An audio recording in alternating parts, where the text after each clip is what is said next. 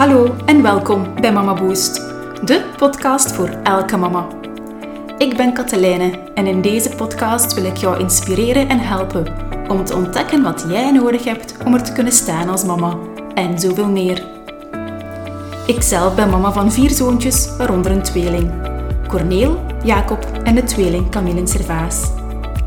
Ik geloof dat elk kind de weg toont naar wie je echt bent en ook wil zijn. Welkom bij Mama Boost.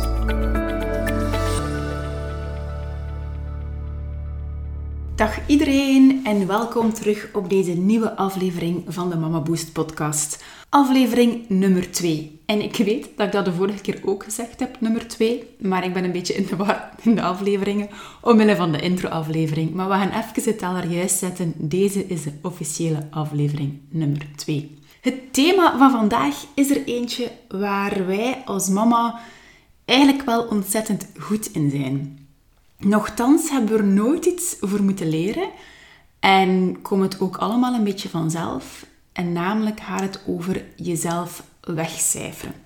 Toen ik vorige week de terugkomavond voor de mama's van Mama Woest aan het organiseren was, dat is zo een avond dat ik organiseer voor mama's die al op coaching zijn geweest, om de zoveel tijd komen we samen om workshopgewijs nog eens aan onszelf te werken.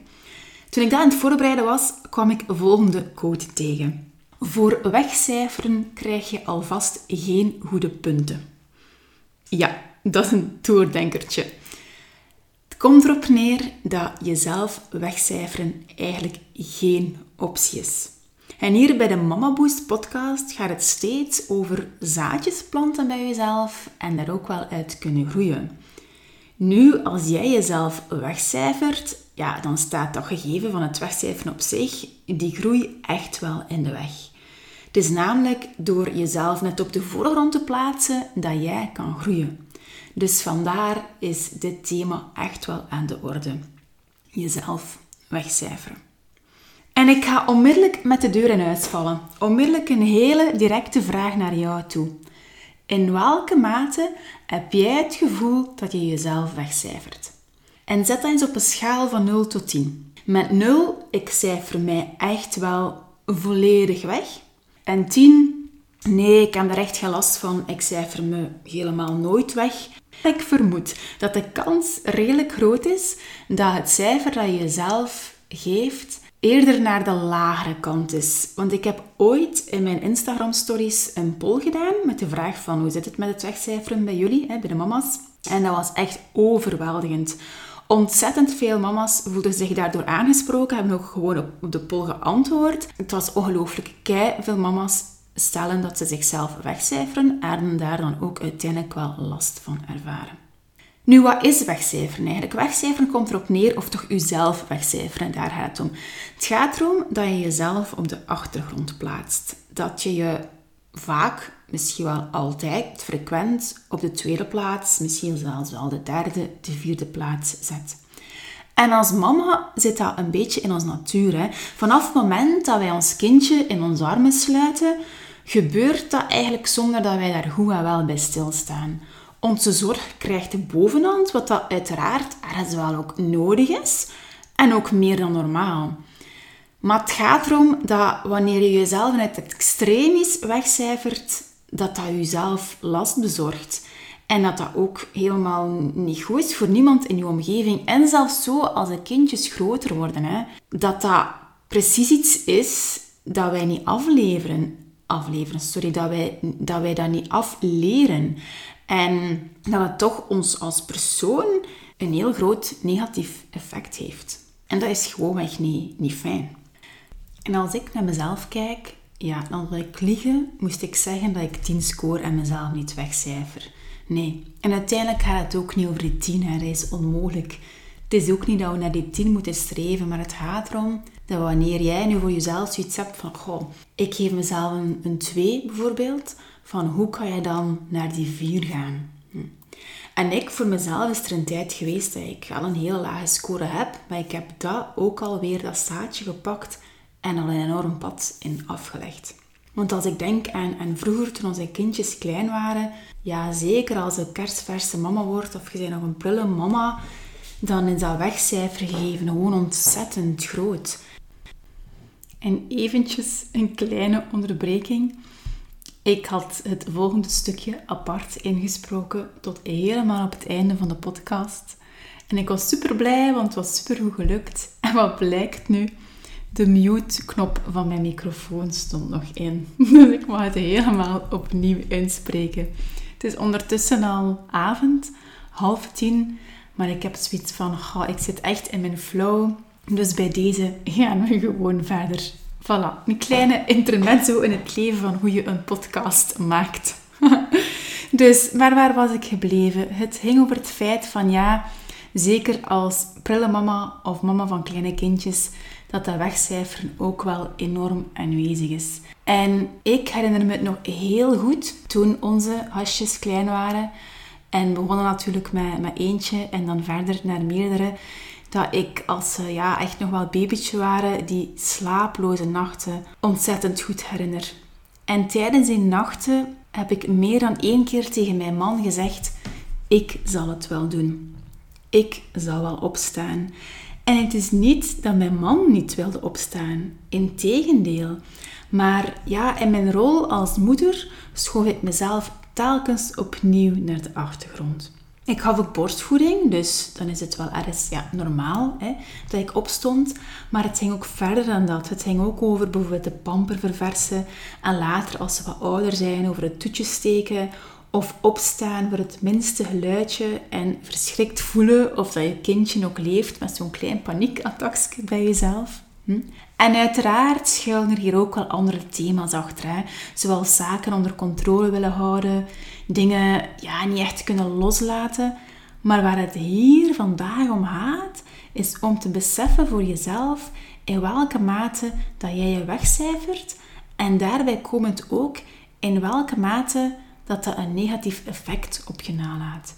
Uiteindelijk is er geen probleem met je weg te cijferen indien dat, indien dat echt een bewuste keuze is, dat je ervoor kiest en als je er ook geen last van ervaart. Maar als het wel op je weegt, dan is het niet oké. Dan is het niet oké voor jezelf, voor je omgeving en zeker ook niet voor je kindjes. Want niemand wordt daar uiteindelijk beter van. En naast de nachten dat ik voor mezelf heel goed herinner, zijn er nog tonnen voorbeelden. Hè? Zoals het douchen dat opeens niet meer lukt. Of een warm bad dat er zeker niet meer aan te pas komt. Of zelfs gewoon rustig naar het toilet kunnen gaan. En dat zijn allemaal zaken waar jij je uiteindelijk ook wel op de achtergrond schrijft. En voor elke mama is dat anders. En ook elke leeftijd van de kinderen heeft daar een verschillende impact op. Het kan zijn dat jij mama bent van jonge kindjes en je allemaal heel herkenbaar vindt.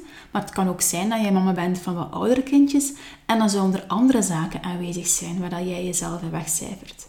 Maar in de kern gaat het echt wel om het feit dat de kinderen ergens wel vaak, misschien zelfs steeds, frequent voorrang krijgen.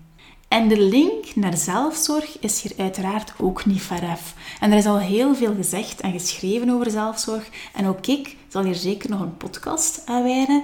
Maar waar het hier voor eerst om gaat, is echt wel gaan beseffen in welke mate dat jij jou op de achtergrond plaatst. Dus kijk nog maar eens goed naar jezelf. En bedenk ook nog eens welk cijfer dat jij jezelf geeft op die schaal van 0 tot 10. En vervolgens is het belangrijk om even stil te staan bij de impact dat dat cijfer op jou heeft, namelijk de negatieve impact ervan. Het kan ook confronterend zijn hè? als je zelf een 2 hebt gegeven, of misschien wel een 1, of misschien is het een 4, of wie weet is het wel een 6. Maar het kan wel even u een beetje wakker schudden.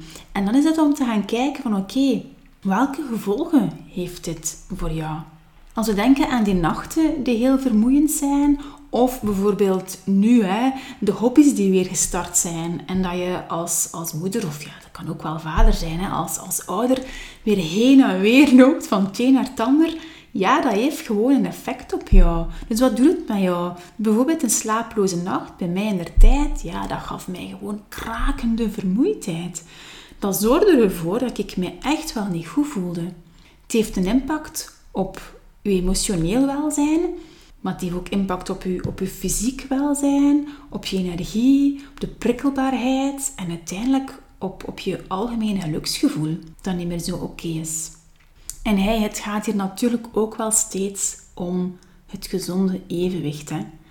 We zien onze kinderen doodgraag en wij hebben er echt ook alles voor over, wat dat ook helemaal oké is. Maar het is wanneer het evenwicht er niet meer is en het echt wel overslaat naar een kant dat je niet graag hebt, dan is het niet meer oké. En dan is het echt wel tijd om daar iets aan te doen. Ook al is dat stapje naar verandering heel klein, dat hoeft echt niet groot te zijn. Dus jezelf bewust zijn van de negatieve impact ervan en dat ook kennen, dat is, dat is de eerste stap naar verandering. En ik wil daar graag nog misschien een persoonlijk voorbeeldje bij vertellen. En dat is dat ik al heel lang, en nu is het beter, heel lang geworsteld heb met, met hoofdpijn. Een hoofdpijn die heel frequent aanwezig was. Dat ook wel te maken had met het feit dat ik mij in bepaalde zaken wegcijferde. Het was iets waar ik iets aan moest doen, maar ik deed daar niks aan. En als het dan over het feit van gaat van oké, het is naar de dokter gaan of het is eens bloed gaan trekken, ja, dan zorg ik ervoor dat dat voor de kinderen altijd in orde is. Dus als ik met de kinderen naar de tandarts moet of naar eens voor de voeten van ons zoontje de podoloog of naar eender wat, hè, dan gebeurt dat eigenlijk wel redelijk snel. Omdat dat voor hen belangrijk is. Maar als het over mijn eigen gezondheid gaat, of misschien wel ging, dan zette ik mij ook steeds op de achtergrond. En het is pas op het moment dat die hoofdpijn zo erg werd, dat ik voor mezelf eigenlijk de trigger voelde van Katelijne, doe er iets aan.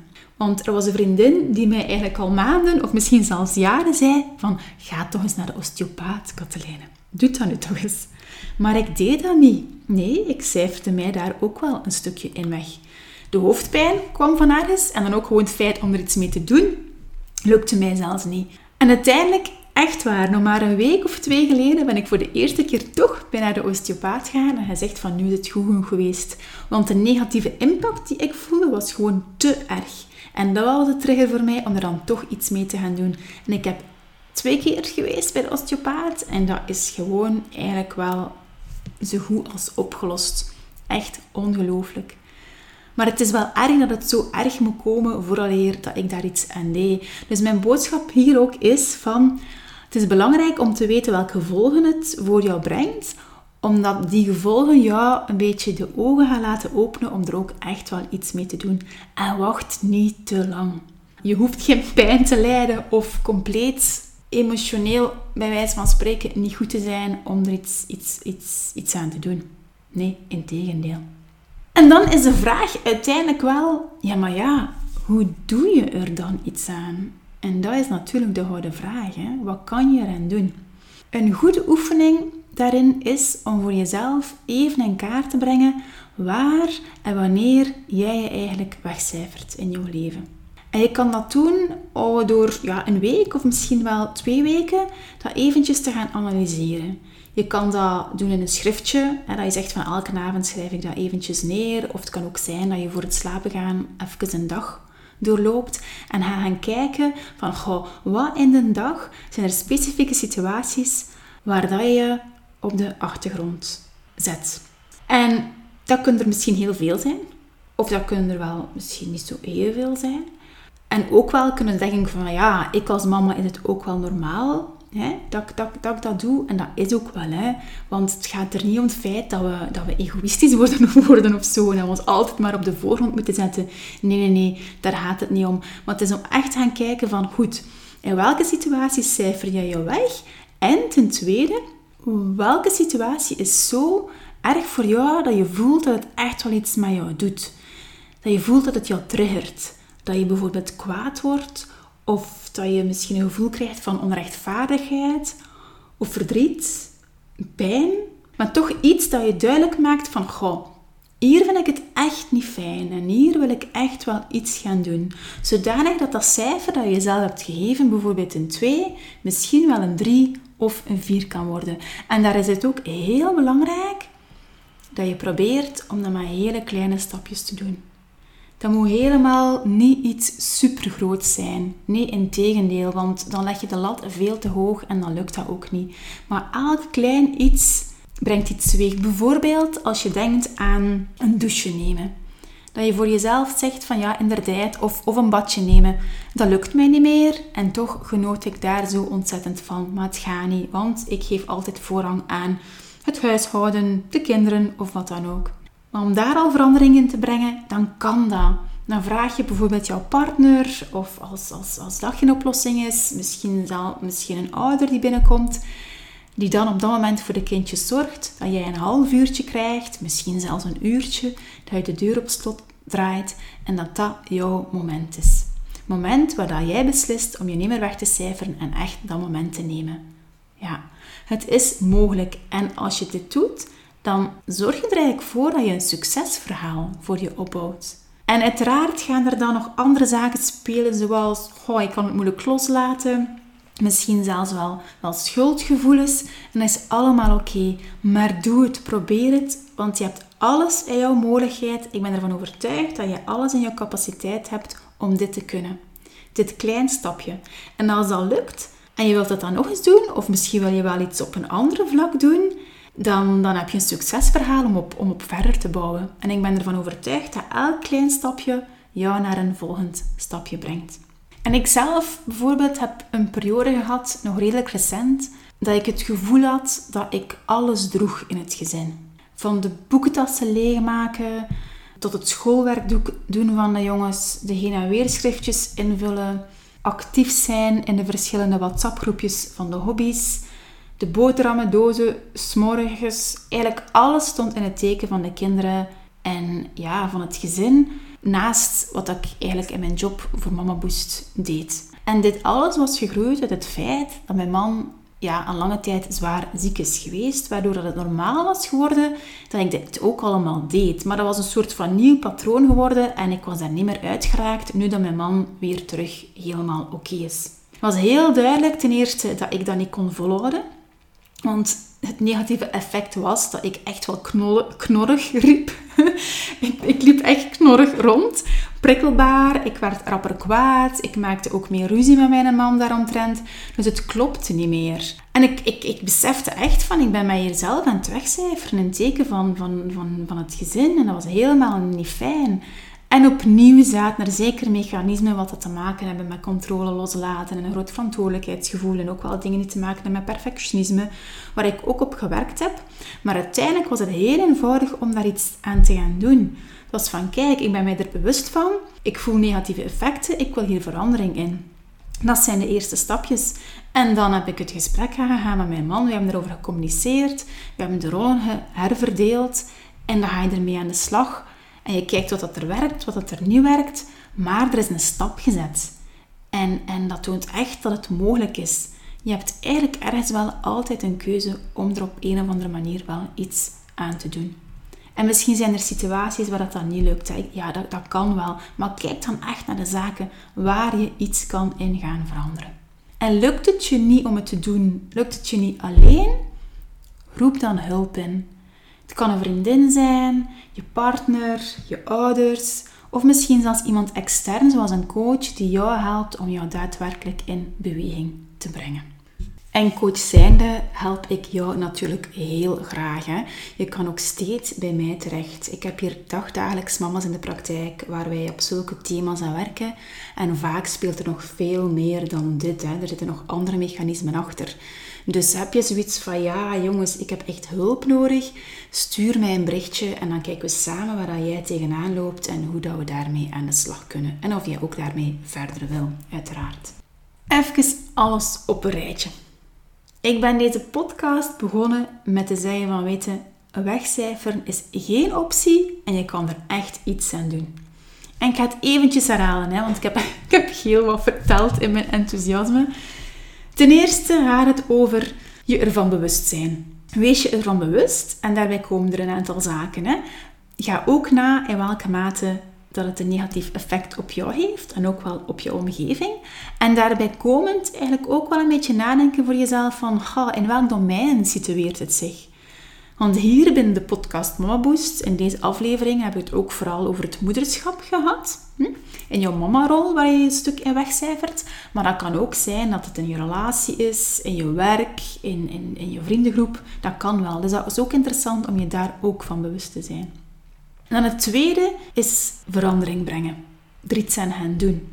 En dat kan je gaan doen door heel bewust elke dag eens bij te gaan houden wat dan de situaties zijn waar jij het gevoel hebt dat je op de achtergrond komt. En ook gaan kijken van welke zijn dan degenen die voor jou het meeste doorwegen. Misschien wel het pijnlijkste zijn waar je kwaad van wordt. Want dat zijn degenen die je er kan uitpikken om echt iets mee te gaan doen.